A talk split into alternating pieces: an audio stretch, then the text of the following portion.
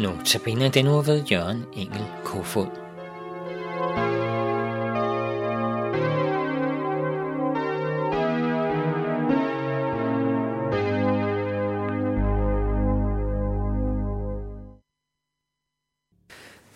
I denne uges andagter tager jeg udgangspunkt i nogle beretninger fra det gamle testamente i Bibelen.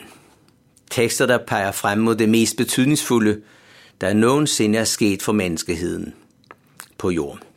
Tekster, der varsler et glædesbudskab af dimensioner. Et budskab til alle mennesker, ikke kun til os i Danmark, men til hele verden, og som vil få evig betydning for alle, der griber det. Beretningerne fra det gamle testamente er for mig en fantastisk understregning af, at Gud fra skabelsens morgen har haft freds- og frelsestanker med os. Dig og mig, helt fra begyndelsen. For mig er det trostyrkende at se de påmindelser, der ligger i beretningerne fra det gamle testamente, og hvad de handler om. De er med til at åbne den virkelighed, som har betydning for mig. Det er stort, når Gud ved sin ånd kaster lys over det, så vi ser det store perspektiv. Jeg håber, de beretninger, jeg i disse notabene udsendelser tager frem og, og prøver at sige lidt om, også vil kunne blive til glæde og opbyggelse for dig som lytter. Grundlæggende er beretningerne jo givet os, for at vi kan blive hjulpet til ind til det, som vi har brug for.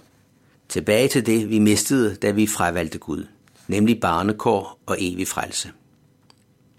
I dag skal vi høre øh, fra Jonas' bog om en, der måtte i dyb, dybet for at blive til hjælp for folket.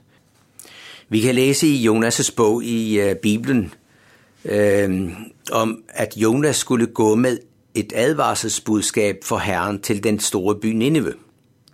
Men Jonas han ville ikke og flygtede i stik modsat retning. Han tog i stedet ned til øh, Jaffu, en havneby, hvor han fandt et skib, der skulle til Tarsis. Han betalte, hvad det kostede, og så gik han ombord for at sejle med dem til Tarsis, bort fra Herren. Men Herren sendte en stærk storm over havet, og den blev til en orkan, så skibet var ved at blive slået til vrag. Søfolkene var bange og råbte om hjælp til hver sin Gud. De kastede lasten over bord for at lette skibet. Jonas havde lagt sig nederst i skibet og var faldet i en dyb søvn. Folket sagde til hinanden, lad os kaste lod og finde ud af, hvem der er skyld i, at denne ulykke har ramt os. De kastede lod, og loddet faldt på Jonas. De vidste, at han var på flugt fra Herren, for det havde han fortalt dem. Hvad skal vi gøre ved dig, så vi kan få havet til at falde til ro? Han svarede, tag mig og kast mig i havet, så får I det til at falde til ro. Jeg ved godt, at det er min skyld, at denne orkan er kommet over jer. Og så tog de Jonas og kastede ham i havet, og havet holdt op med at rase. Herren befalede en stor fisk at sluge Jonas, og Jonas var i fiskens bu tre dage og tre nætter. Fra fiskens bu bad Jonas til Herren. I min nød råbte jeg til Herren, og han svarede mig. Fra dødsrigets dyb råbte jeg om hjælp, og han hørte mig.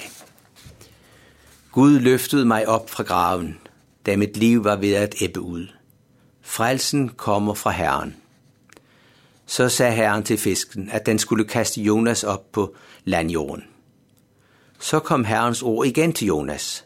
Rejs nu til den store by Nineve, og råb det, det jeg befaler dig. Jonas rejste så til Nineve, som Herren havde befalet.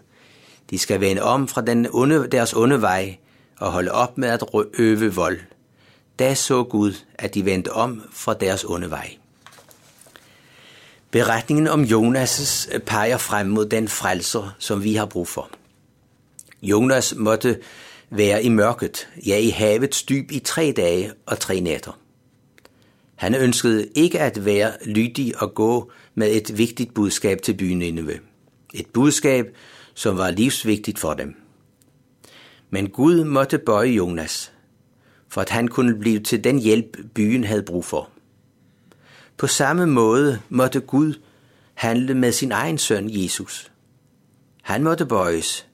Ja, mere end det, han blev gjort til synd for os. Han måtte tage straffen i vores sted. Jesus måtte blive forladt af Gud.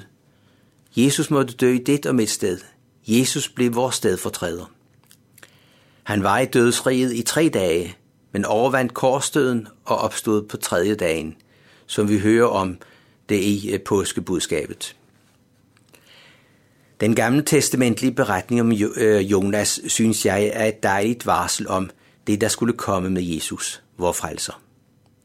Gud har jo med beretningen om Jonas ønsket at vise os noget vigtigt. Byen Nineve var afhængig af det budskab, Jonas skulle gå med, at det nåede frem. På samme måde er vi afhængige af budskabet om Jesus.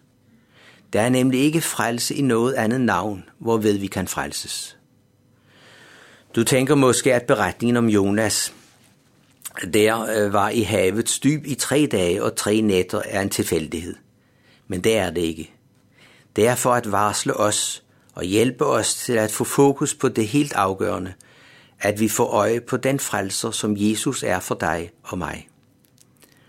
Guds freds- og frelsestanker er jo ikke pludselig opstået, opståede tanker hos Gud. Det har hele tiden ligget Gud på sinde at redde og frelse sin skabning, redde dig og mig, så vi ikke skal gå fortabt, men at vi bliver frelst og når det himmelske hjem, når vores livsdage her på jord er endt. Det fantastiske er, at det ikke er en, en fortjeneste at blive frelst. Det er Gud, der handler og lader sin søn Jesus blive vor redningsmand. Han har magtet at bære straffen, dødstraffen i vores sted. Det er en gave fra Gud, når troen på Jesus når vores hjerter. Vi må tage imod budskabet, ikke som en fortjeneste, men som en gave. Vi må få helt uden noget. Det er fantastisk. Det giver glæde og fred, og det overgår al forstand. Må denne Jonas beretning give os lyst til at vende os til den frelser, Jesus er for os. Amen.